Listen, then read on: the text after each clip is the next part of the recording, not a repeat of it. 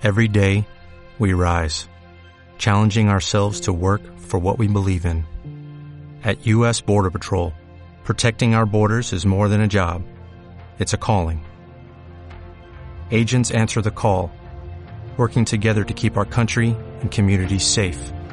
If you're ready for a new mission, join U.S. Border Patrol and go beyond. Learn more at cbp.gov/careers. Xarxa Com Ràdio. Ràdio Nova. Hi ha vida després de la mort? Existeixen éssers d'altres planetes?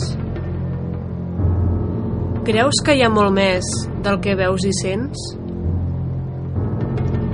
No tot és el que sembla. Arcanum. Tots els divendres de 8 a 9 del vespre al 107.7 FM.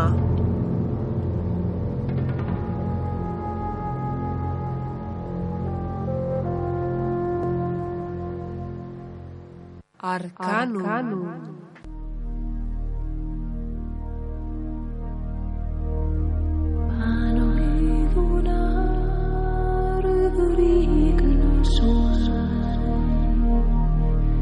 Anagui,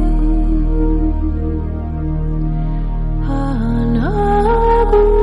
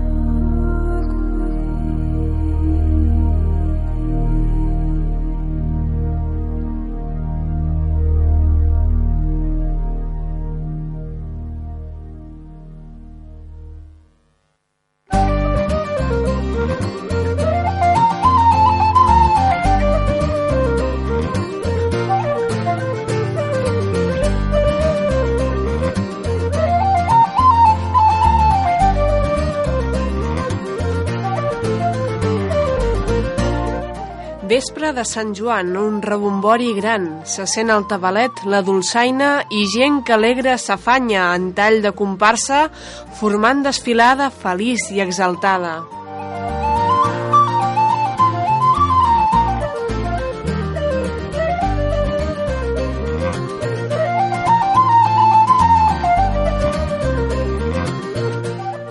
Bona nit, escolteu Arcanum avui dia 22 de juny, a punt de començar oficialment l'estiu.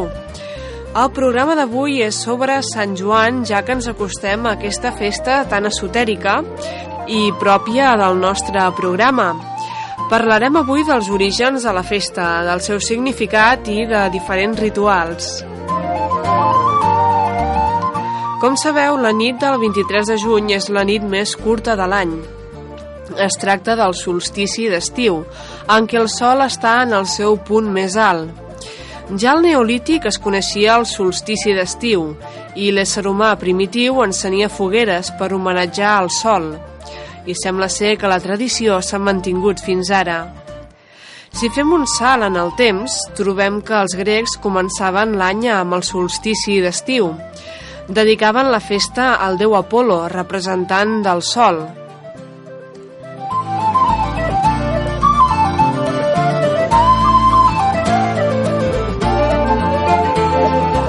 La principal característica de les festes dels grecs no ha canviat. Es tractava d'una celebració que es feia amb fogueres.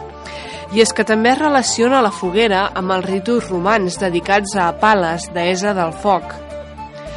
La nit de Sant Joan també té orígens celtes. La festa s'anomena Abeltany, que significava foc de Bel, o vell foc, i era una celebració dedicada al déu Belenus. Se celebrava, òbviament, encenent grans fogueres, de caràcter purificador, que alguns saltaven. També es diu que els druides feien passar el ramat entre les flames per protegir-los de malalties.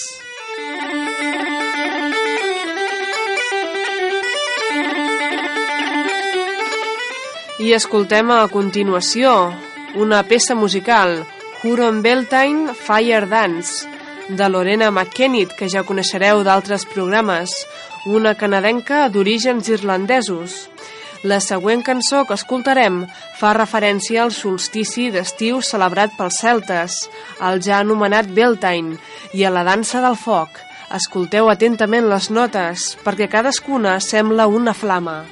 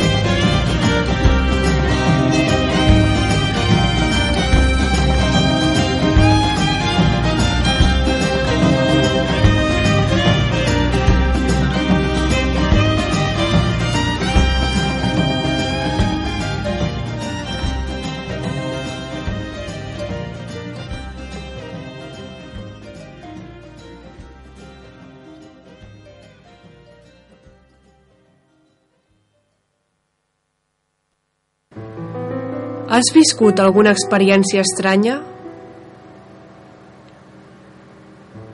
No saps en qui parlar-ne? Et preocupa que no et creguin?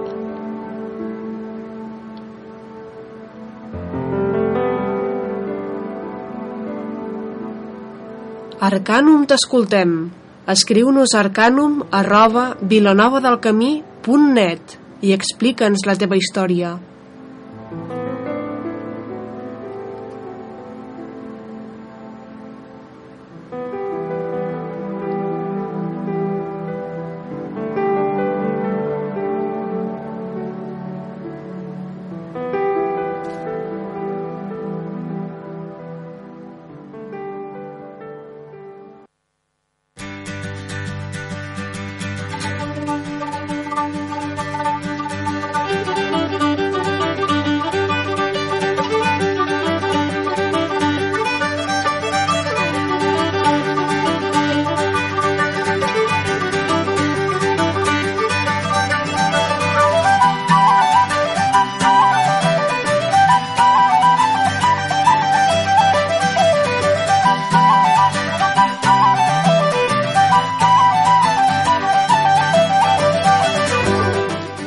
L'Església Catòlica va cristianitzar el solstici d'estiu. El va fer coincidir amb el naixement de Sant Joan. A l'Evangeli de Sant Lluc hi ha escrit que el pare de Sant Joan, el sacerdot Zacaries, havia perdut la veu per dubtar que la seva dona Isabel estava embarassada. Quan va néixer Joan, Zacaries va recuperar la veu, com havia dit l'arcàngel Gabriel, per celebrar-ho, Zacaries va encendre grans fogueres. Malgrat tot, alguns religiosos no han acceptat massa bé aquesta tradició. És un cas com el de Sant Eloi, que creia que ballar i cantar al voltant del foc era diabòlic. Ja ho veieu, però, que la tradició de cantar i ballar al voltant del foc és molt antiga i s'ha conservat, ja sigui per celebrar la nit més curta de l'any, el poder del sol o el naixement de Sant Joan Baptista, potser l'únic sant del que celebrem la festa just el dia del seu naixement i no de la seva mort.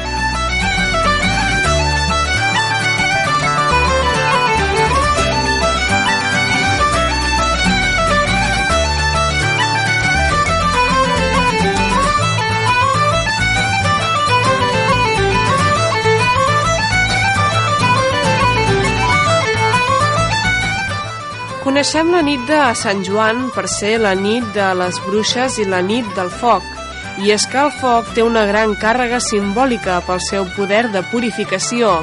El foc allunya els mals esperits durant la nit de Sant Joan i per aquesta raó s'hi llencen objectes personals, es trepitgen les cendres o se salten les fogueres. Hi ha rituals relacionats amb el foc, com ara que si una parella d'enamorats salten la foguera agafats a la mà, si la salten set vegades seguides, seran feliços per sempre. de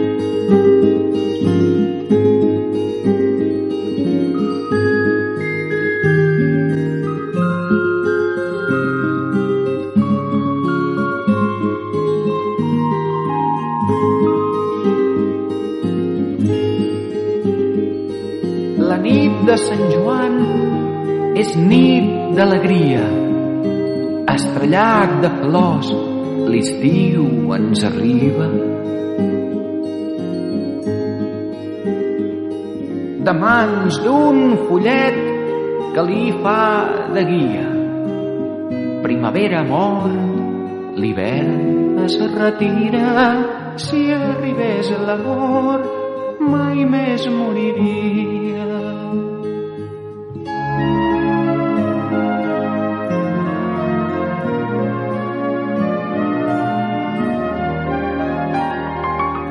flames del foc, la nit torna en dia.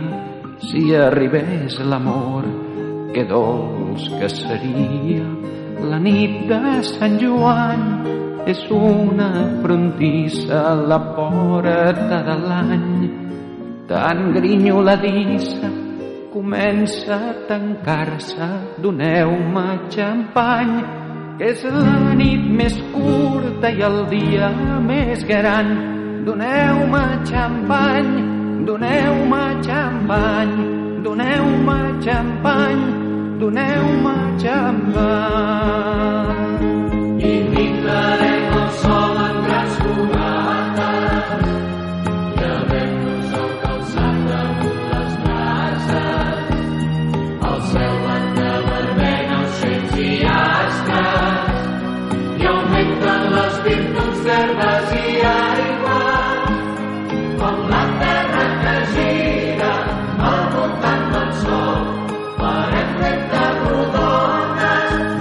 Bye.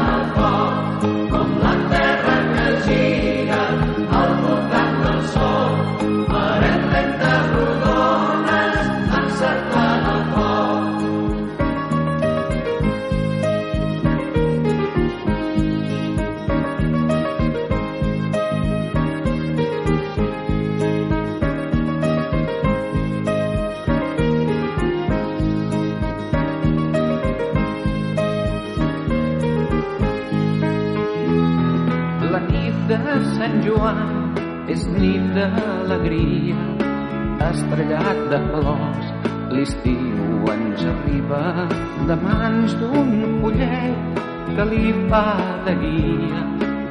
Qui és aquest pollet? Qui el coneixeria? El vell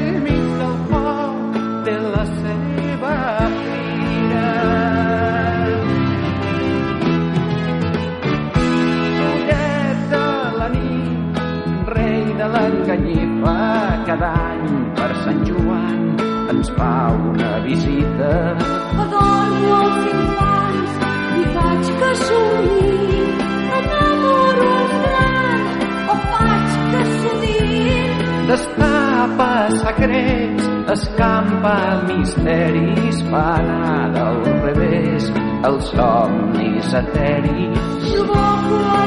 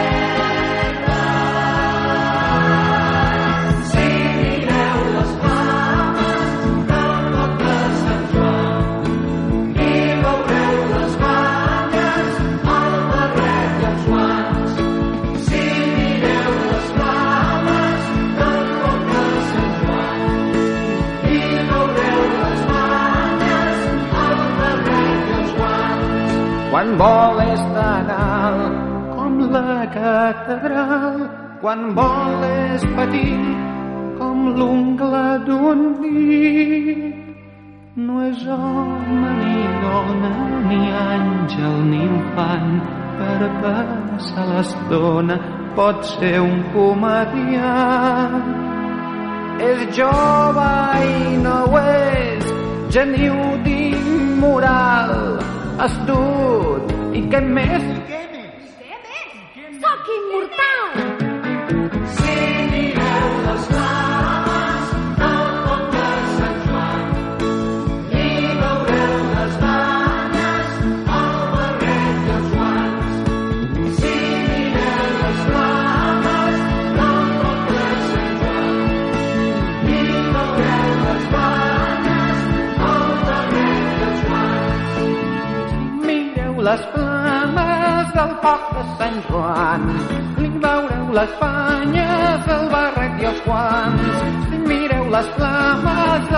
Sant Joan. I veureu les banyes, el barret i els guants,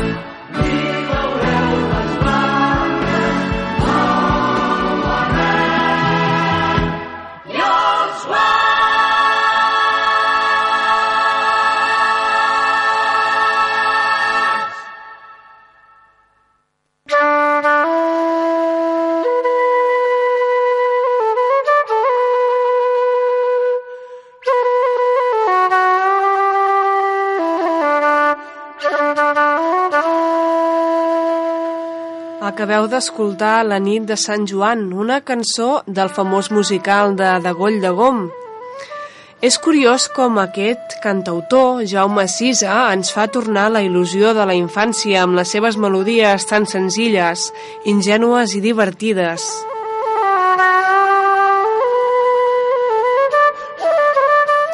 Com sabeu, una de les parts més conegudes i superficials de la festa de Sant Joan és la pirotècnia. I ja no me refereixo a les fogueres, sinó als petards. Cada any hi ha una gran venda de coets i petards.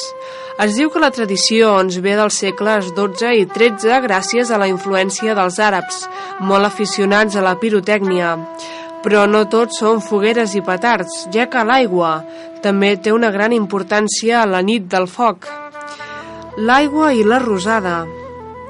La nit de Sant Joan té una tradició de banyar-se com a ritual purificador o estirar-se damunt l'herba mullada per la rosada per poder sanejar la pell. També es diu que rentar-se la cara just quan surt el sol després de la nit de Sant Joan és solucionar problemes d'acné. Hi ha la tradició de que qui es pren un bany a la platja la mateixa nit de Sant Joan en tocar les 12 campanades conservarà la salut del cos, sobretot la pell.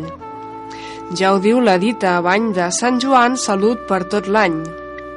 Als pobles de vora al mar era costum que a la vespre de Sant Joan les fadrines posaven un got ple d'aigua i posaven el blanc d'un ou a dins, L'endemà, si el blanc que havia format la imatge d'una barca, el seu xicot seria mariner, però si hi havia la figura d'un forcat o la d'un arbre, el seu futur espòs seria llaurador.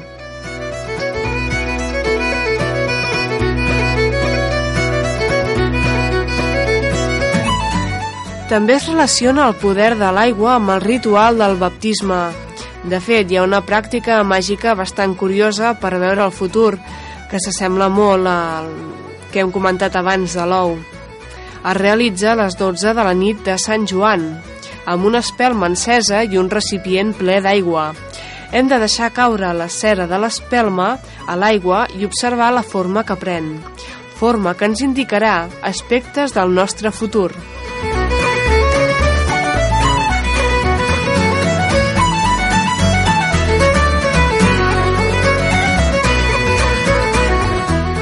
Les herbes també tenen un gran simbolisme a la nit màgica. De fet, la paraula verbena ve de la planta que porta el mateix nom, que s'utilitzava antigament en ofrenes als déus.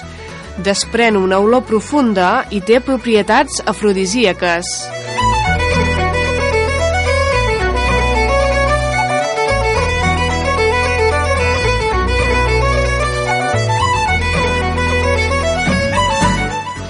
De fet, es diu que a la mitjanit Sant Joan Baptista beneix totes les plantes per tot l'any. Ja hi ha un refrany que resa les herbes de Sant Joan tenen virtut per tot l'any. I és que per aquesta raó se sol sortir al bosc a collir tota mena de plantes, a València hi ha la creença que a mitjanit les fulles de les oliveres es giren i que la part clara mira cap al cel i la verda més fosca al terra. A Ciutadella de Menorca tenien costum de collir una canya de Sant Joan verda per deixar-la a la porta com a record que han sortit per la nit a buscar fortuna. Es creu que l'herba de Sant Joan s'obre a la mitjanit de la nit de Sant Joan. Collir-ne i posar-la cap per avall en una bossa vermella que pengi del coll protegirà el portador de patir mal de cap durant tot un any. A Mallorca, a més a més, s'explica que aquesta és la nit en què apareix l'herba des uis, la qual tindria la propietat de curar la ceguesa, el problema és que adopta formes tan variables que és bastant difícil de reconèixer. Però a la nit de Sant Joan aquesta planta brilla com un llum i es fa localitzable.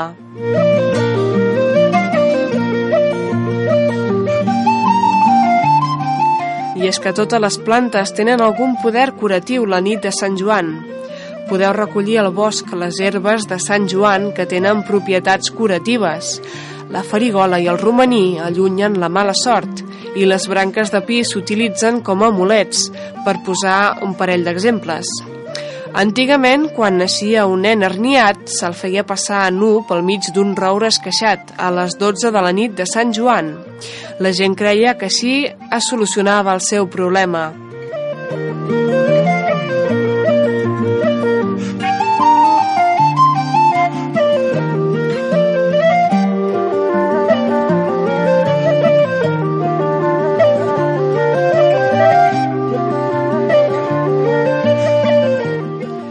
Parlem ara del menjar i és que la gastronomia de la nit de Sant Joan no té pèrdua.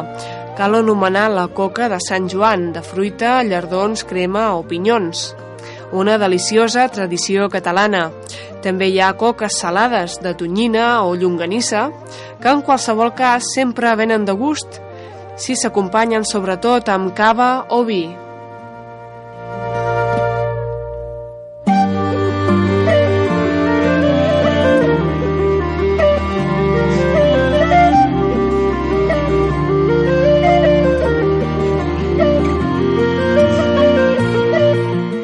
I és que hem de reconèixer que el que ens agrada de la nit de Sant Joan, a més a més de la màgia i de la gresca, és justament aquesta tradició de la coca que tots esperem. I si no, escolteu aquesta cançó.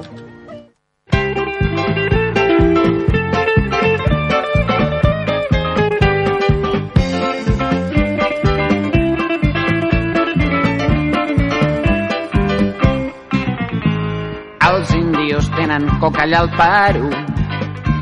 Els yanquis, Coca-Cola refrescant. Els catalans la coca de llardons i l'estupenda coca de Sant Joan.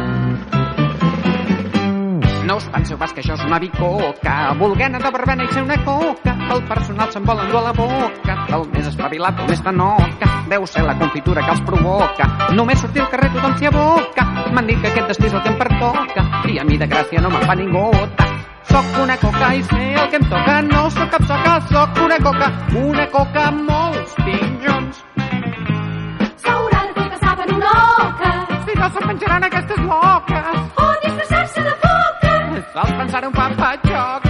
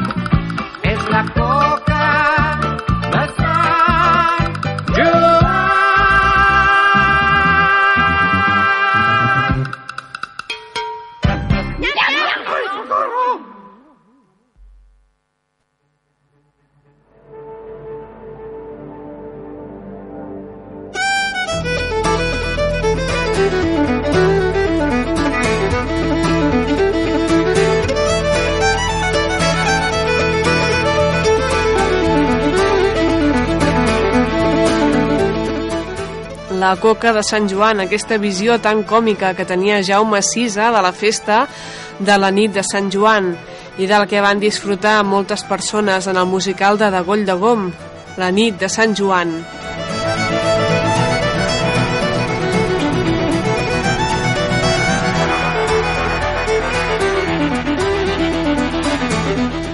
I és que només Jaume VI es podria posar a la pell d'una coca, si és que aquesta coca realment té sentiments, imagineu-vos.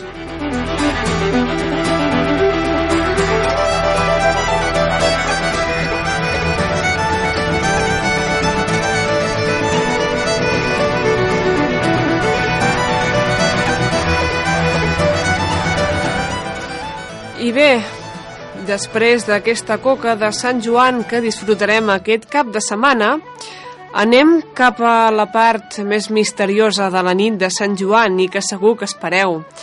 Es tracta dels aspectes més màgics i misteriosos d'aquesta nit, una nit habitada de follets, fades, bruixes i esperits.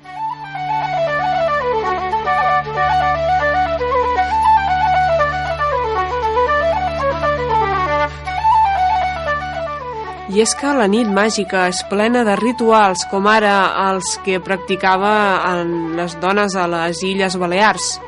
Les noies joves es posaven nues a davant d'un mirall il·luminat per dos ciris i veien reflectit al mirall la seva futura parella.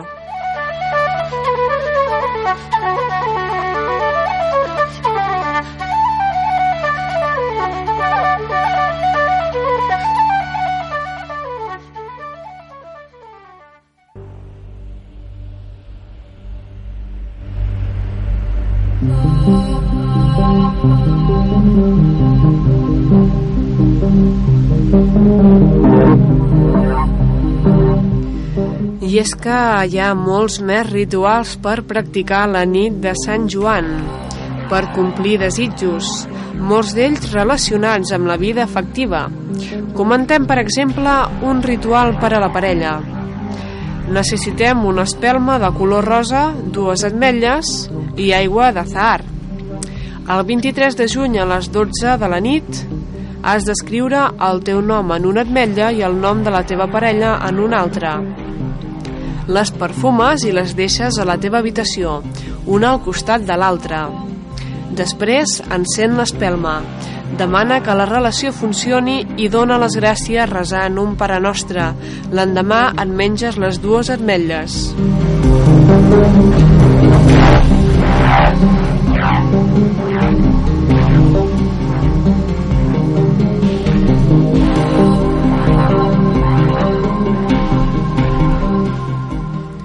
Ha un ritual de Sant Joan que és per demanar un desig concret. Per practicar-lo necessites una espelma blava, una fulla d'eure i un tros de paper.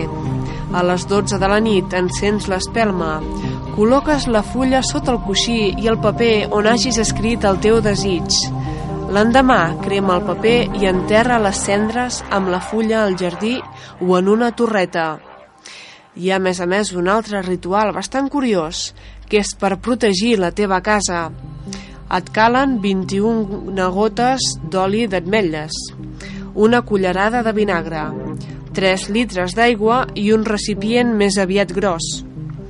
A les 12 de la nit, barreja el vinagre i l'oli d'ametlles i remena'ls en el sentit contrari a les agulles del rellotge. Amb la barreja unta els marcs i els panys de totes les portes, començant pels que estan més lluny de l'entrada principal, que és la última que has de sucar. Quan acabis, dona les gràcies resant un Pare Nostre. També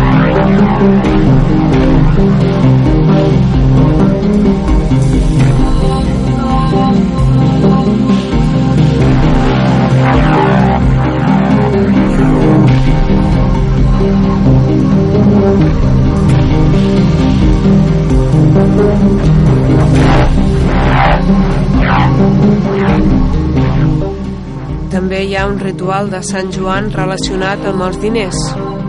És molt senzill, només et cal un recipient ple d'aigua. A les 12 de la nit, posa-la sota del cel i observa què s'hi reflecteix. Si veus set estrelles reflectides, tot anirà molt bé. Si s'hi veuen un número parell d'estrelles, obtindràs bons resultats, però de manera moderada. En canvi, si veus un número imparell d'estrelles, les coses no funcionaran com vols. Cal dir, però, que abans de fer qualsevol ritual necessites un cercle de protecció al teu voltant.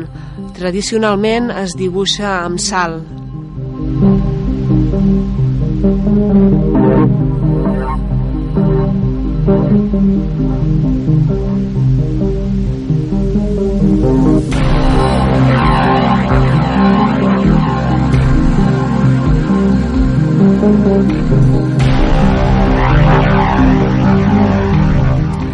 rituals que estem parlant són bastant tradicionals de la nit de Sant Joan, a més a més de ser molt simples de realitzar. A més a més, poden ajudar-te, potser per sugestió o potser perquè hi ha alguna cosa més de la que ens pensem. Però per aconseguir el que vols necessites sobretot la teva voluntat per arribar als teus objectius. No deixis el teu destí en mans de les estrelles, perquè tu fas el teu propi camí. No et deixis angoixar pel cel estrellat, simplement disfruta'l.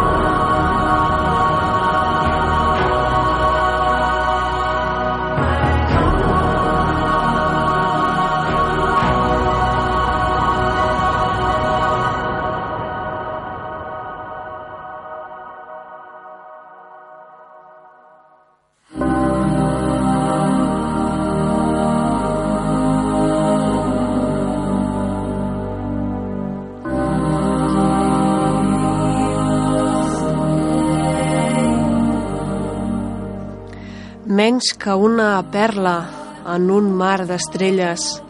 Nosaltres estem perduts en una illa a les ombres. Pot ser que les nostres paraules es perdin. Pot ser que les nostres paraules no trobin res.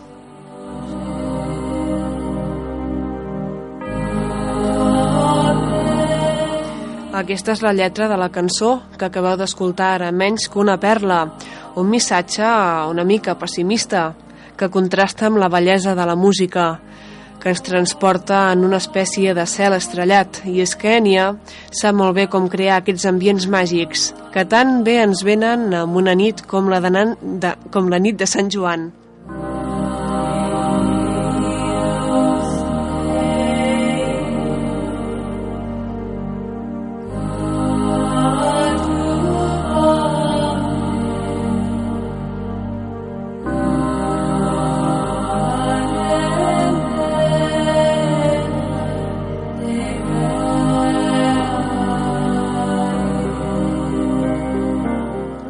I després d'aquest cel estrellat, cal dir que la nit de Sant Joan és coneguda sobretot per les seves estranyes aparicions.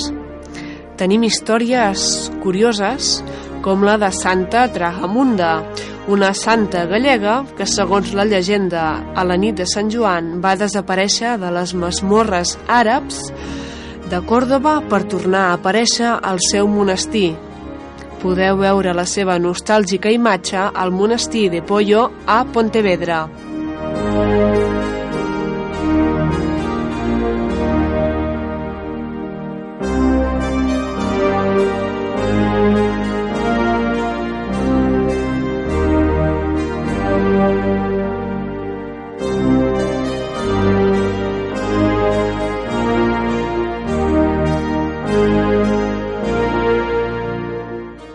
Però a part de Santa Trahamunda, també hi ha altres aparicions no tan amables, ja que la mitologia folclòrica ha recollit bastantes criatures malèfiques que porten la desventura. Es parla de Feram, Cucales, la Mar Major o l'ànima de Cantiret.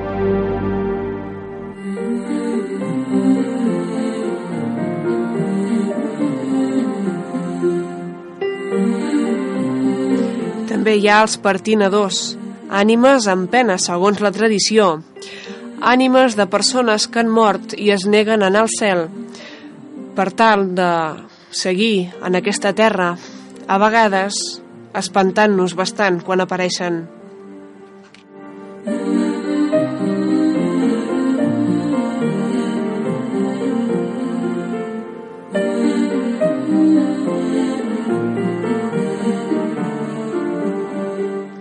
També hem de parlar dels joanets. Es tracta de petits éssers lluminosos que guarden tresors i ataquen a qui els descobreix. També hi ha la moreta, que és una espècie de cupido que enamora la gent disparant-li fletxes. I també cal anomenar la dama Fortuna, que apareix muntada en un carro alat o volant sobre una roda, i que si la veus tindràs sort durant tota la teva vida.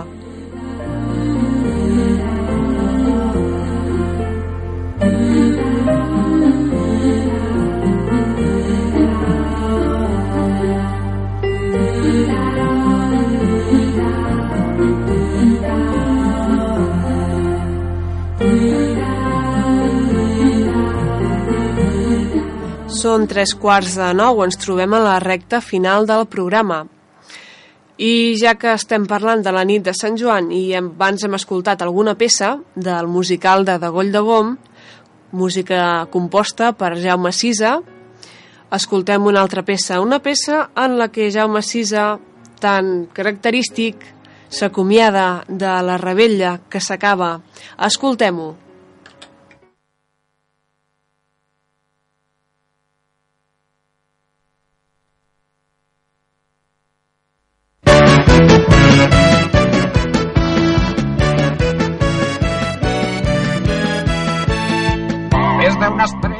S'ho està mirant. Ullet trapella, ullet trapella. Des d'una estrella s'ho està mirant. Ullet trapella, vine volant. Posa't disfresses, vestis barats. Vine de pressa al nostre costat. Si mireu les flames del foc de Sant Joan, li veureu les banyes,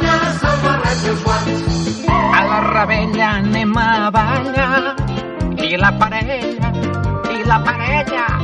A la rebella anem a ballar i la parella esperem trobar. La vida entera es pot amagar dins la foguera de Sant Joan.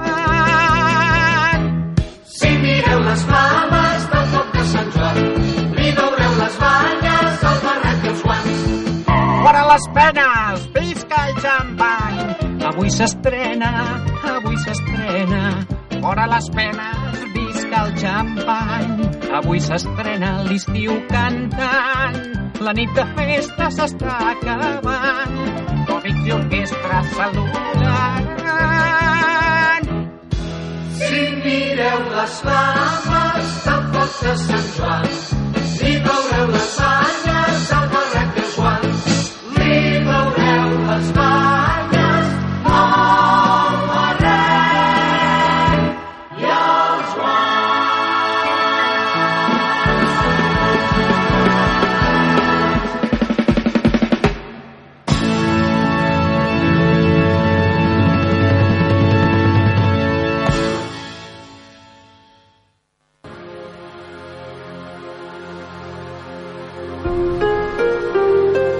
Has viscut alguna experiència estranya? No saps en qui parlar-ne? Et preocupa que no et creguin?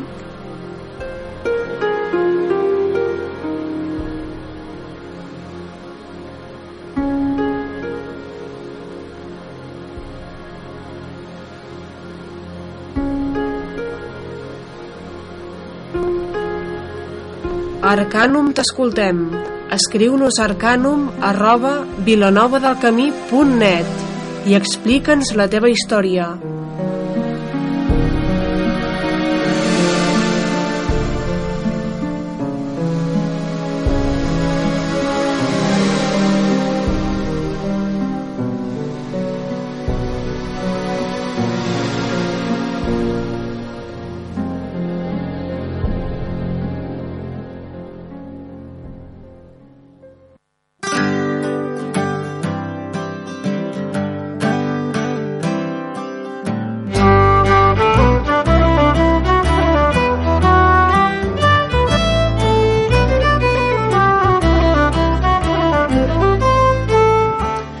No sé si alguns de vosaltres recordareu que Cervantes va fer anar el seu Quixota a Barcelona, precisament el dia de Sant Joan. Però és estrany, i molts trobem a faltar, que Cervantes no faci cap referència sobre la tradició d'encendre fogueres, que sense cap mena de dubte haguessin impressionat el cavaller de la trista figura. Això fa sospitar alguns historiadors que si en aquella època hi hauria fogueres, potser devien estar prohibides o devien tenir poca importància, ja que Cervantes era molt detallista i és estrany que no hagués comentat res sobre les fogueres.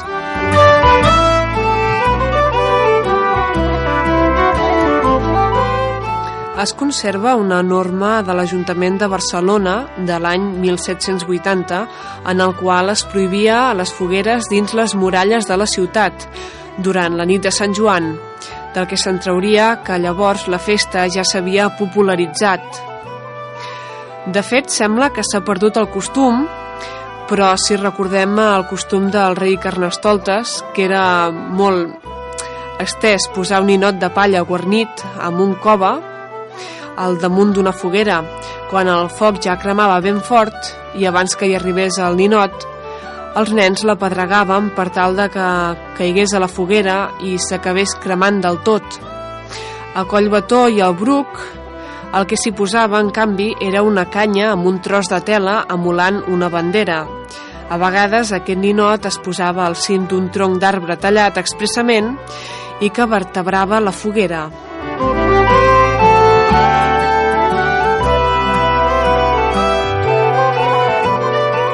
Alacant la festa està tan institucionalitzada que es considera la festa major de la població. I cap a la regió de Montserrat era tradició passar el rosari així que s'apagava la foguera. En canvi, al Lluçanès passaven el rosari abans. A Montserrat havia estat tradició encendre una foguera i en acabat cridar beneït sia Sant Joan, crit que replicava tota la gent que s'havia reunit. En canvi, a Vallespir l'havia d'encendre l'última parella que s'havia casat.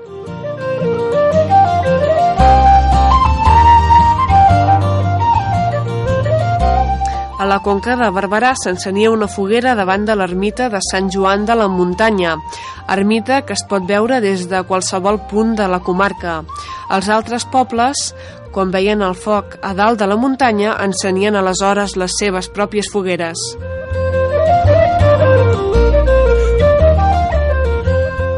Hi ha qui diu que les fogueres tenen la virtut de netejar el cel dels núvols malignes, capaços de dur calamarsa, de manera que cal encendre-les un cop a l'any perquè no pedregui i perquè no faci mal temps de manera constant.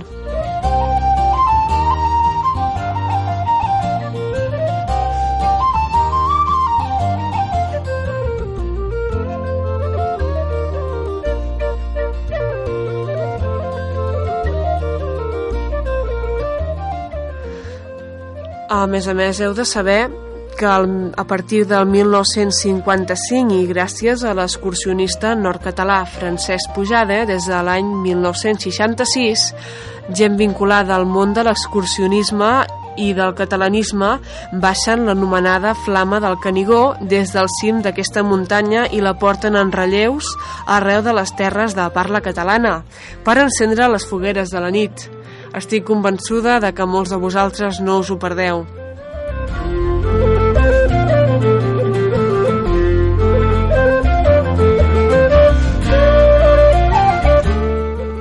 Parlem ara dels balls de Sant Joan. Havien estat molt estesos a tot arreu, com una manera d'atiar el foc o de fer-ho veure. Eren balls rodons que es feien justament al voltant de la foguera. Era popular la sardana, es ballaven sardanes, però la resta dels territoris eren unes corrandes cantades pels mateixos ballaires i estaven totalment cantades a capella, és a dir, no hi havia cap instrument que acompanyés la veu. A cada poble tenien la seva pròpia cantarella, però degut a la mena de celebració en la que s'ha convertit avui dia en la festa de Sant Joan, han anat desapareixent o s'ha anat convertint la tradició en una espècie de festa amb música enllaunada, a Celànich, llevant de Mallorca, i a Pollença, tramuntana de Mallorca, es continua ballant la dansa de Sant Joan Pelós. Es tracta d'un personatge que representa a Sant Joan Baptista, vestit amb una indumentària d'origen antic en colors cridaners, amb la cara coberta amb una careta que es passeja pel poble el dia de Sant Joan, ballant el so d'uns instruments ben primitius.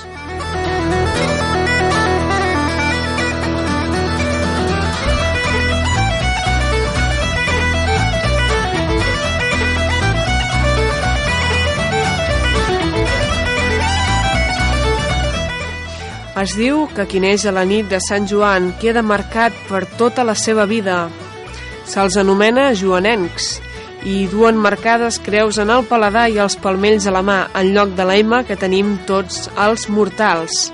Si la llevadora li podia tallar el tel de la llengua d'una manera concreta, llavors podia parlar en dues llengües diferents alhora.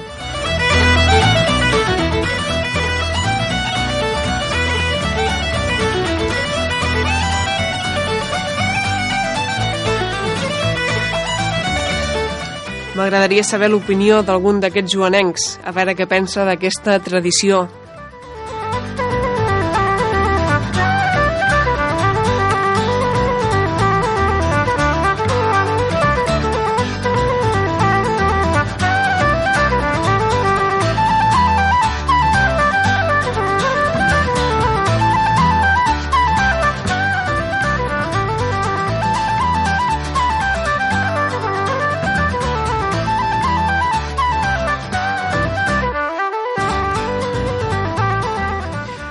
Doncs esperem que us hagin vingut més ganes encara de celebrar aquesta festa tan especial, sobretot a Catalunya. Us vull desitjar que tingueu molta sort. Tant de vos trobeu aquesta dama de la fortuna tan mitològica de la que hem parlat abans. Espero que passeu una molt bona rebella i un molt bon Sant Joan. Felicitats a tots els Joans i a totes les Joanes. Per cert, abans de que me n'oblidi, vull donar les gràcies al David i a la Roser, que són dues persones que m'han ajudat molt a recopilar bastanta informació sobre aquesta festa tan important, la nit de Sant Joan.